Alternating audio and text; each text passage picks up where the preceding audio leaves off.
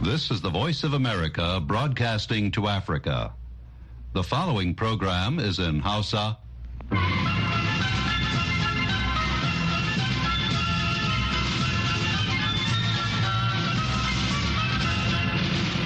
Sashen Hausa na murya Amurka ke magana daga nan birnin Washington DC. Masu sauraro Assalamu alaikum barkanmu da wannan lokaci. Muhammad Hafiz Baballe ne tare da sauran abokan aiki muke farin cikin gabatar muku da wannan shirin na wannan safiya ta Lahadi. Bayan labaran duniya za mu kawo muku shirin matasa a duniyar gizo da maimacin shirin lafiya uwar jiki da kuma nasihar Lahadi. Amma kafin nan sai a gyara zama a saurari labaran duniya.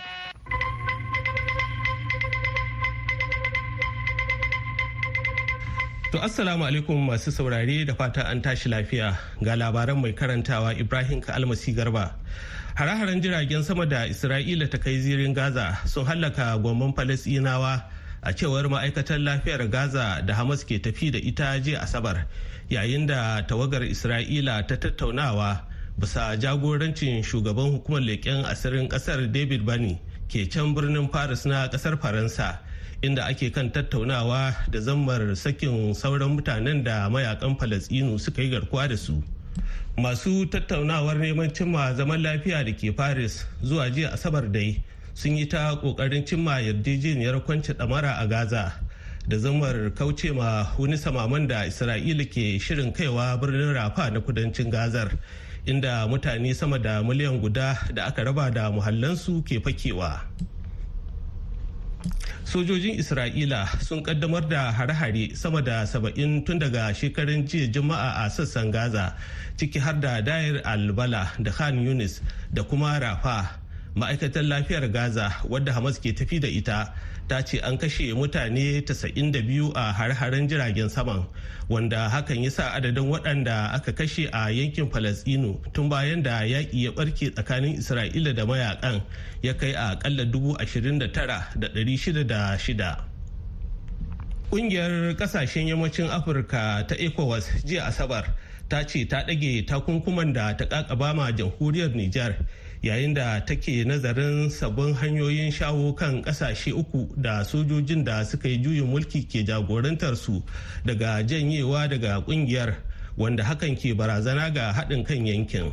Shugabannin ƙungiyar ta ecowas sun taru a abujan najeriya da zumar warware dambarwar siyasar da ta dabaibaye yankin wanda ya ga juye-juyen mulkin soji inda al'amarin ya daɗa tsanani bayan da ƙasashen nijar burkina faso da mali waɗanda sojoji ke jagorantar su suka yi barazanar ficewa daga ƙungiyar mai mambobin ƙasashe goma sha biyar. Bayan wata ganawa ta sirri ƙungiyar ta ecowas ta ce ta yanke shawarar ɗage takunkuman da ta ƙaƙaba ma nijar ciki har da rufe kan iyakoki da kama dukiyar ƙasar har da na bankinta da kuma na dakatar da yin hada-hada da ita ba tare da bata lokaci ba. A wani bayani ƙungiyar ta ecowas ta ce ta yi hakan ne saboda dalilai na jin kai to amma za a yi ma wannan matakin ganin wata dabara ta rarashi a daidai lokacin da ecowas ke ƙoƙarin shawo kan ƙasashe uku da sojoji ke mulka din da su zauna cikin ƙungiyar mai shekaru hamsin da kafuwa. A halin da ake ciki dai tuni 'yan nijar suka fara bayyana ra'ayoyinsu kan ɗage takunkuman da ecowas ta yi ma ƙasar. Daga yamai ga abin da wasunsu suka gaya ma wakilin musulmin muna barma. Sunana asuman ibrahim mazamnin yamai. Muna ma allah godiya da allah ya sa an ka cire wanga takunkumi. Allah tabbatar da alheri kuma. Kuma muna roƙon allah shi kama da kwanciyar hankali da zama lafiya tsakanin ƙasashen mu nijar da najeriya duka. Dan sanadiyar an sa takunkumin ga kaya ba su shigo ba su ta kaya ba su shigo ba su ta kenan akwai matsala. Talaka gaskiya ya shi jiki ƙwarai. An ji jiki ba Nijar ba Najeriya ba. Wannan hata da ya ya sa wanga abu an kai zama alheri gare mu duka. Ni ne malam Umar Sule shugaban ƙungiyar farar hula da ake ce ma FCR to lalle wannan mataki da sun ka ɗauka ya nuna halin dattako na wannan shugabanni na wato wannan ƙungiya ta ECOWAS da suka nura da kan cewa da waɗannan matakai da aka ɗauka matakai ne waɗanda suka sa ƙaimi matsala ga talaka musamman na waɗannan ƙasashe? Wallahi mataki mun shi daɗi da aka ce an ɗage shi fiye da wata shidda yau. Mutane na cikin wani kunci na rayuwa duk da dai alhamdulillah mutane sun ana ci gaba da riƙe kai da mutumci kuma abubuwa suna ta ƙoƙarin su gyaru lokaci-lokaci to a gaida silabar ma an mika gawar madugun 'yan adawar rasha alexander navalny ma mahaifiyarsa a cewar wani babban hadimin marigayin jiya asabar ta kafar sada zumunta ivan zadanov daraktan gidauniyar yaƙi da almundahana ta navalny ya sanar a shafinsa na telegram. Yana mai gode ma duk waɗanda suka yi kira ga hukumomin rasha da su maido da gawar navalny ma mahaifiyarsa. Tun da farko a jiya asabar matar marigayi navalny wato yulian navalny ta zargi shugaba vladimir putin na rasha da ƙoƙarin fakewa da aƙidar addinin kirista ta wajen matsa ma mahaifiyar navalny din da ta amince a gaggauta bizne shi cikin sirri bayan mutuwarsa a wani kurkukun yankin arctic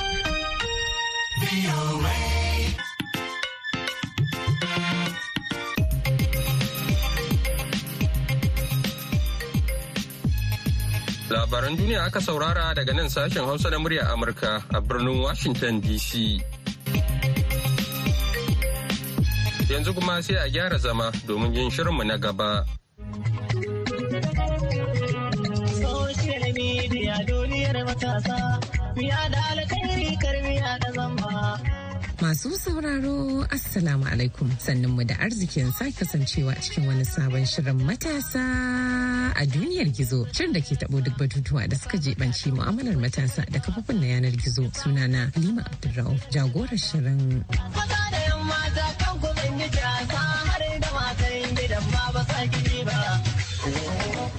Madalla a cikin shirin na wannan lokaci za mu tattauna ne akan batun daidaita amfani da kafofin sada zumunta na yau da kullum da kuma kula da lafiyar ƙwaƙwalwa sakamakon irin ababen da masu amfani da kafofin ke cin karo da su a kusan kullum wanda ba lallai ba ne abin da ke faruwa a mu'amalar mutane na zahiri ba ne kuma ke ɗauka a matsayin gaskiya. Sunana mai da lago mahuta wadda aka fi sani da kocijitta. To gaskiya Halima wannan abu ne da ya zama mana ƙalubale a rayuwa saboda zaki ga yara da yawa 'yan mata wani lokacin har da maza ma sun zo cikin damuwa. Menene ke damun ku? A bani da kaza a kaza. Ko da ma ba su baka complain din ba su da kaza ba suna buƙatar kaza zaki ga in kika bincika sai ki ga damuwan tasu ta yi alaka da yadda suke comparing rayuwarsu da wanda suke gani a shafukan sada zumunta. To ba ƙaramin ƙalubale take kawowa ba ga matasan yanzu gaskiya saboda sun zo ne a lokacin da shi wannan shafukan sada zumunta su ne rayuwar gaba ɗaya abin da suka sani kenan. Kuma wannan abu ba abu ba ne da zai tafi yau ko ya tafi gobe abu ne da zai kara karuwa saboda haka ya kamata a ce an yi massive awareness a ringa ilimantar da yaran nan akan cewa wannan abubuwan da suke gani mutane na gwada a social media wallahi da yawan su ba rayuwar bace. Saboda second ne kaɗan na rayuwar mutum zaka gani a rana. Baka san sauran awoyin na rayuwar shi me yake yi ba. Wani wani abun ma ba nashi ba ne rayuwar da suke gwada maka ba ta gaske bace. Wasu kuma din da zai yiwu ta gasken ce ya kamata mu ringa tunawa cewa ko Allah da yayi yatsun mu bai yatsun nan ɗaya ba. Sai kiga saboda wannan shafukan sada zumuntan akwai abubuwa da yawa da Allah ya baka. Sai kiga mun manta muna nan muna rashin godewa muna ki muna hangen na wani muke so. Me yasa ake samun matsalar yara mata da yawa? Zaki ga waya ta zama bala'i. Su sai iPhone. A a sai kaza. Waccan ta sa kaya kaza ni ma sai na sa. Wannan na sa a bayan dubu ɗaruruwa sai na sa. Wannan na riƙe jikan miliyoyi ni ma sai na riƙe wannan ta saka gwal yasa ake samun ma matsaloli da yawa yanzu kafin a yi aure? Saboda ita wannan ta yi bikinta a guri kaza. Ni ma dole a nan zan yi ko kuma wanda ya fi nata. Wannan ta yi dinki waje kaza ni ma sai na yi dinkin da ya fi wannan. To kin ga wannan abubuwa ne da da gaskiya babu su saboda da ko bikin ma ba a gani bare a zo a fara comparing. A yayin da akasarin masu amfani da kafofin sada zumunta ke jin daɗin mu'amalolin su da mutane akan dandalolin yin amfani da su ba tare da sanya iyaka ba na iya jawo sabo mai cutarwa ko addiction. Shiga matsananciyar damuwa wato depression a turanci. Shiga yanayi na san killace kai wato isolation ko kuma tsoron kar a bar mutum a baya wato feeling of missing out.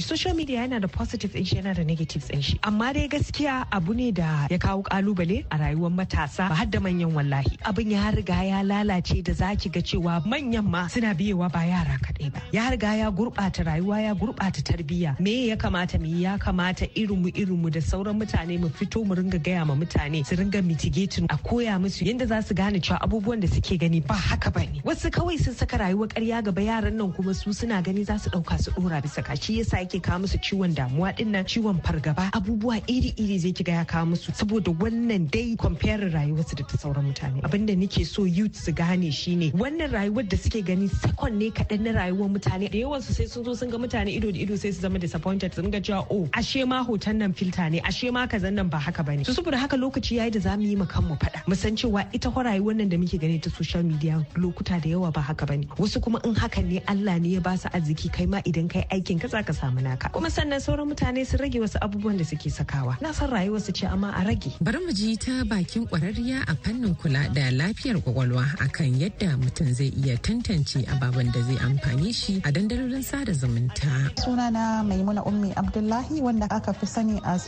coach diddi ni coach ce da nake faɗakarwa akan lafiyar kwakwalwar mutane especially na mata. In ka shiga social media ɗin nan fa ka ringa kallo kana tunani. Duk abin da ka gani wani ne ya saka. Gaskiya ne ƙarya ne ba tabbas a cikin shi. Amma that does not really matter. Kai tunanin ka shine duk wanda abin nan ke ganin nan wanne ne zai amfane ni? Wanne ne zai amfani al'umma na wanne ne zai amfani mutanen gidanmu? Tunanin da ya kamata kenan. Na kalla wannan abin. In na ɗauka wancan abin shi kuma gaskiya ya nuna min cewa in ringa farin ciki da duniya in ringa haƙuri da duniya in ringa sanin inda zai manejin kaina zai taimake ni? Eh zai taimake ni. To ya zan ɗauka wannan abin in sa a rayuwata? Ni ma in so gudawa kullum ina kula da kaina. So tunanin da ya kamata ake yi kenan. Ba komai mutum ya gani ba ne kawai zai ɗauka hook line and sinker rayuwa fa sai da tunani saboda wallahi wannan ciwon lafiyar ƙwaƙwalwa nan yana faruwa sosai. Kuma yawanci saboda rashin kula da kai ne low self esteem rashin ganin ke kina da kimi na kanki. Because rashin sanin kanki da kimin kanki ne zai sake ga cewa ke ba wani ba ne ba. In kin san kanki kin san kimin kanki zaki san ni ba wani ba ne ni ba wance ba ne. So ba zan iya taka rawa irin wannan ce ke taka ba amma zan iya taka nawa rawan. So nawan zan taka. Rahotannin bincike da dama sun yi nuni da cewa dan adam na ɗaukar mu'amalar yau da kullum a dandalin sada zumunta ko kuma a zahiri da mahimmancin gaske. Kuma duk ana buƙatar haɗin gwiwar juna don bunƙasa a rayuwa. Kuma ƙarfin haɗin gwiwar mutane na da tasiri mai yawa akan lafiyar tunani da farin cikin su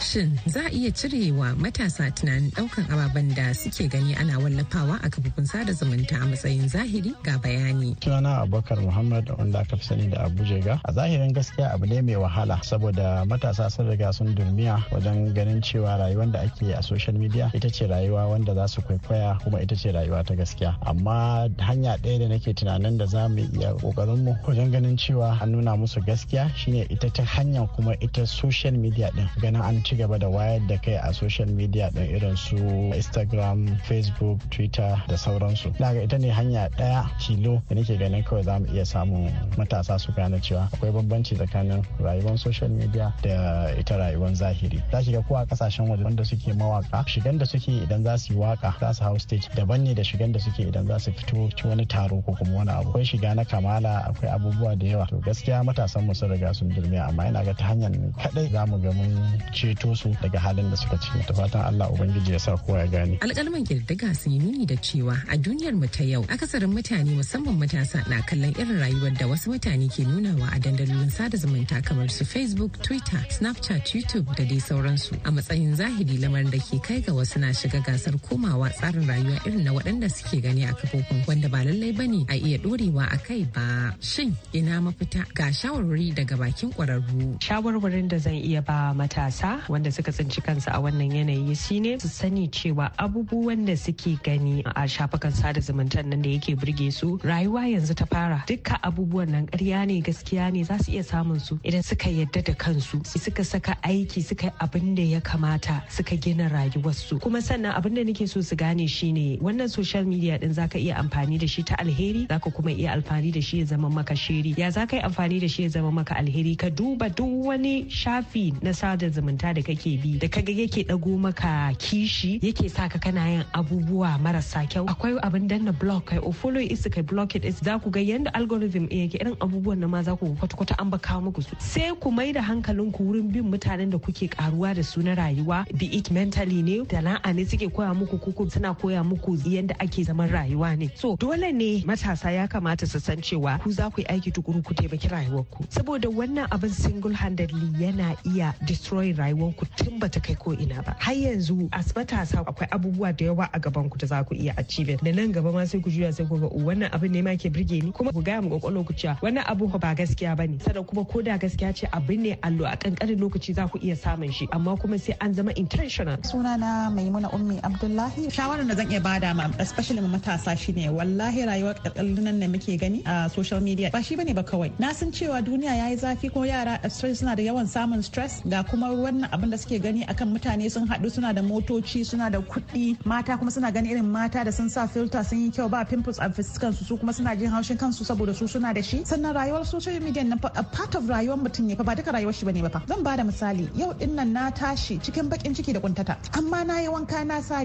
riga na fito. In ban faɗa ba ba wanda ya san bakin cikin da nake ciki. Because in kika kalle ni yau ɗin nan na fes in gaya miki sai kin gani wallahi. Amma fuska na kawai kake ganin baka ganin zuciyata. So kowa na da damuwan shi. Yawan kula da mutane akan cewa kina ganin su kamar su ba su da matsala ɗin nan ya kai ka sani. Najeriya ya zama abin da ya zama. Akwai wahala akwai yunwa. Sannan akwai son kuɗin banza da ba sai an wahala ba ko an aiki akan shi. Wannan culture ne dukan mu a nan wallahi ana cikin shi sosai. Sannan abin da ake gani a social media kuma baya taimakawa because ana ƙara nuna kuɗi kuma ba a nuna kamar ana wahala ba ne ake samun shi. So yaran yanzu ba sa tunanin sai san wahala su samu abu. Suna tunani kawai sharp sharp ne a samu abu. Madalla. Masu faɗa a jide na ci gaba da faɗakarwa akan wajibcin iyaye su riƙa sanya ido akan yanayin mu'amalar 'ya'yansu da kafofin intanet domin kawar da matsalar taɓarɓarewar tarbiyya da aka fara gani sakamakon amfani da social media fiye da kima da wasu kirkire-kirkiren zamani. To masu sauraro gabaki ɗaya kuma a nan za mu da sa'aya a cikin shirin na wannan lokaci. Yanzu a madadin ma'aikata da mahukuntan murya amurka ni halima abdulra'uf ke mana fatan alkhairi. Mu kasance cikin ƙoshin lafiya. Bisalam madalla. Yanzu kuma sai maimacin shirin lafiya uwar jiki da hawa umar za ta gabatar. Jama'a masu sauraron mu barkanku da warhaka, barkanku da sake kasancewa tare da mu a cikin wani sabon shirin lafiya uwar jiki tare da ni Hauwa Umar. Shirin lafiya uwar jiki na wannan mako zai yi magana ne akan sore throat wato ciwon makogaro ko kuma makoshi a Hausance, kuma ciwo ne da ke zuwa da zafi da bushewar makogaro musamman idan za a haɗiye abu kuma ƙwayoyin cuta ne ke haddasa shi.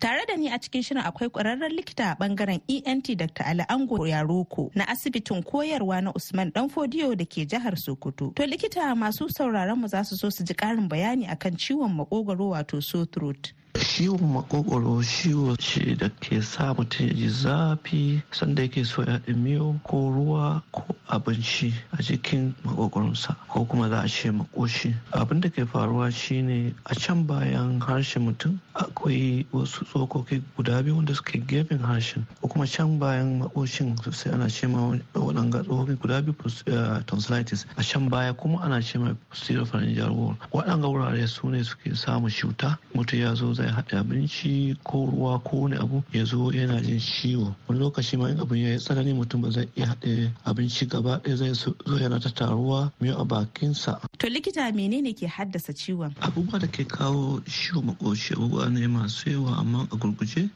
muna iya mu ba su akan kwayan cuta da ake ce ma viruses sana iya samu viral infection na iya kawo ciwon makoshi ko kuma kwayan cuta da ake ce masu bacteria akwai bacteria especially wanda ake ce ma beta multistreptococci ko kuma ana iya samu ta fannin sankara kan sashe kwayan cutan da aka viruses to ciwon makoshin bai iya dadewa kamar dan kwana ɗaya zuwa uku. Ciwon yana iya warke ko da ba a sha wani magani mai yawa ba haka. Ciwon kuma wanda ya zo ta fannin bacteria in bacteria ne wannan mugun bacteria ake shima beta hemolytic in ya zo farko in ba a samu aka iya ba da magani ko aka kwarar likita ta wannan fannin abu yana iya sake faruwa. Ya ci gaba da faruwa haka kai akai ana iya shema za a kire shi a turanci recurrent tonsillitis. Shi recurrent tonsillitis abin da ake nufi shine in mutum kamar ya samu ciwon makoshi sau bakwai a shekara ko kuma sau biyar a shekara cikin shekaru biyu da suka bi junansu ko sau uku a shekara cikin shekaru uku da suka bi junansu. Wannan ana ce ma a turanci recurrent tonsillitis ko kuma shi wanda na shi na uku din sankara sankara kuma kaloli ne daban-daban wanda asibiti ɗaya ana akan iya ganowa wani irin sankara shi. Kamar menene alamomin sore throat? Alamomin ciwon makogoro ana iya raba su biyu akwai abin da ke shi ma symptoms abin da shi mara lafiyan ke ji kenan shine kamar raɗaɗi da shi wasu da ke so ya haɗe miyau ko ruwa ko abinci da kuma zazzaɓi da kumburin wuya waɗannan alamomi shi da shi mara lafiya na iya ya gani. Na biyu shine science abin da za a diba a gani ne. Kamar in recurrent tonsillitis ne ko tonsil ne waɗannan tsokoki na cikin shan bayan baki in an diba za a gan sun kumbura sun yi jawur wani lokaci. Wani lokaci kuma wani abu farare haka suna iya su rufe ga sun yi kumburi kuma akwai farare. Wasu lokuta kuma ba za su yi magani masu nan kanana amma suna kawo matsala sosai. Ciwo mutum ba za iya haɗa abinci ba. Kumburin wuyan kuma in an taɓa akan shin ciwo. In an matsa haka an latsa ga mutum na jin ciwo. Shin ciwon makogaro ya kasu kashi nawa ne? Ciwon makogaro a gurguje dai an kasa shi kashi uku. Akwai eh, wanda kwayan cutar bacteria ne ya kawo ko kuma wanda kwayan virus ya kawo. Ko kuma a wanda sankara ne kansa kenan ya kawo. To likita wanne ya fi tsanani? Wanda kwayan cutar bacteria ya kawo da kuma wanda kansa ne sankara ne ya kawo sun fi zama tsanani wanda gaskiya cikin ko waɗannan biyu din ma kansa zai fi zama tsanani saboda shi ko da an sha magani za a gan dama ka amma dai shi yana nan yana shi so ina ganin shi ya fi zama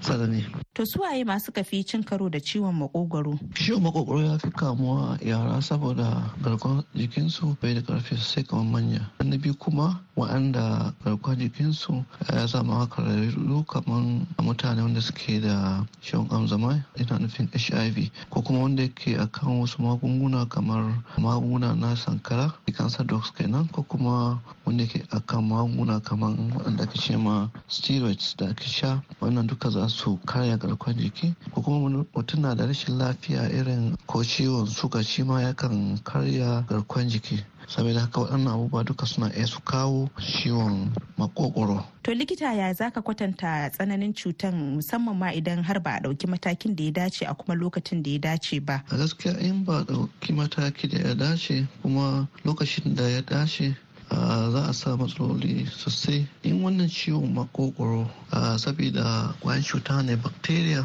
muddin ma bacteria ke shi beta hemolytic streptococci akan samu illoli kamar haka. A waɗanda kwayan cuta wani lokaci in sun samu suka shiga jini sukan so su je wurin jishiya ko oda ko kuma gwiwowi. In sun je wurin jishiya sukan kawo abin da ake ma a turanci rheumatic valvular heart disease. Wannan babban matsala ce. Ko kuma in sun je wurin oda za iya su jawo abin da ake ma acute glomerulonephritis wanda yana iya ya kai ga renal failure a mutuwan oda kenan gaba ɗaya. Kin ga waɗannan abubuwa guda biyu manyan manyan matsaloli ne. Kin ga abin da na ke gaya wa mutane sau da yawa cewa kada a yadda ƙaramin abin ya zo ya jawo mutum babban matsala. Kin ga in abun kaman ciwon zuciya ne wannan aiki da ake buƙata shine dole na abu buɗe zuciya a aiki kuma ba ko da yaushe akan samu nasara ba. Ko kuma in ya tabi oda magungunan hanya biyu ne na ɗaya ko a je a yi dashi dashin kuma yana da nasa illoli da yawa kuma wannan kuɗi masu yawa ne.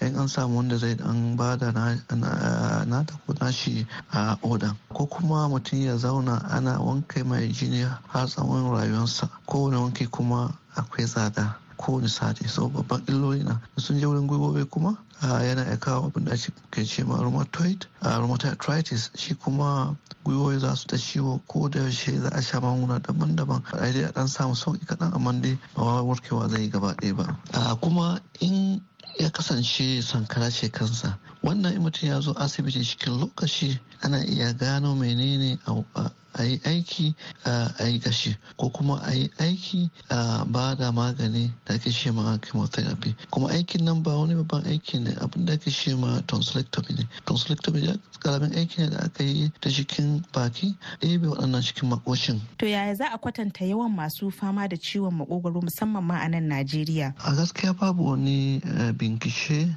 wanda ya nuna yawan masu wannan matsala ta ciwon makoshi a Najeriya gaba ɗaya. akwai dai bincike nan kaɗan kaɗan wasu wurare amma dai wanda zai nuna ga yawansu. Amma dai abin da zan shaida maka jiya shine a ciwon makokoro yana nan da yawa ya addabi mutane cikin al'ummarmu. Ba za a kida gida uku zuwa huɗu ba samu mutum ɗaya wanda yake da wannan ciwon makoshi a na yi bincike shekarun baya na gano abin da ke sa mutane ba su saure zuwa asibiti cikin lokaci. Na farko da akwai abin da ke cewa misconception sun ba suna da mugun fahimta game da waɗanga matsaloli wanda suka shahi makokoro wuya da ma kunne da hanci gaba ɗaya. Duk waɗanga abubuwan haɗa su gaba ɗaya in ba su suna guda ɗaya shine ciwon daji. Kuma a zo ana ta shan maganin ciwon daji. Abin da na gano shine wannan maganin na ciwon daji yana da ciki ne wani an sinadari da ke rage kumburi da raɗe da ciwo. Saboda haka in an sha mutum ya sha zai samu ɗan sauƙi kaɗan. Amma matsala na nan yana ci gaba da girma yana ci gaba da girma yana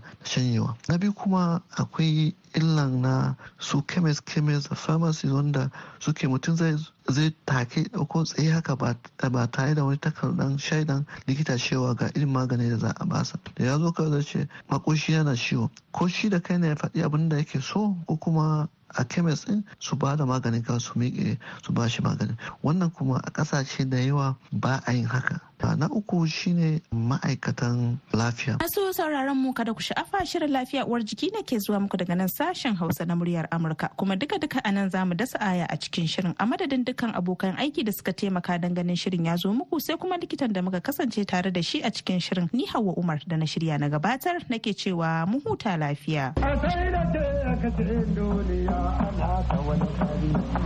Madalla yanzu kuma sai nasihar Lahadi.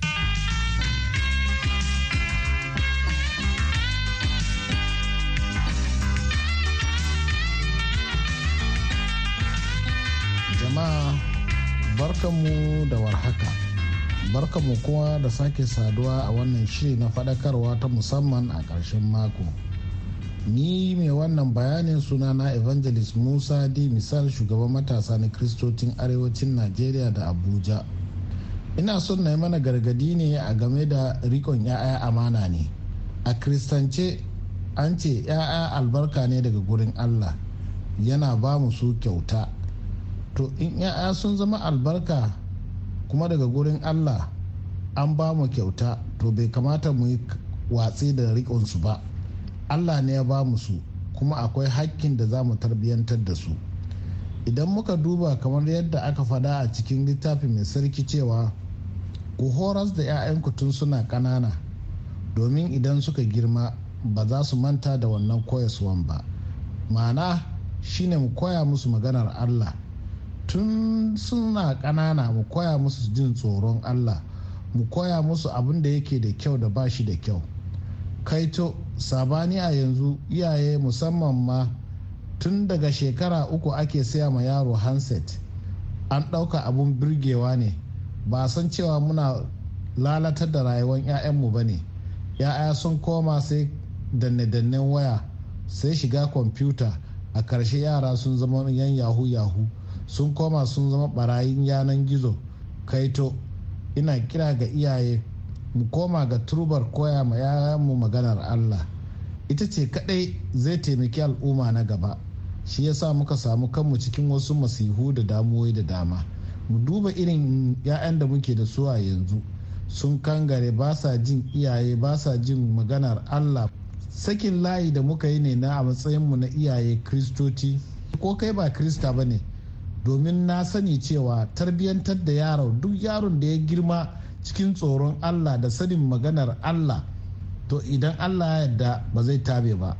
A kashi casa'in cikin ɗari ya'yan da suke wannan aikace-aikace na abubuwa marasa kyau za ka samu yaran ba samu tarbiyya daga cikin koyarwar maganar allah ba ne. Ubangiji allah ya albarkace mu allah ya taimake mu. Na gode.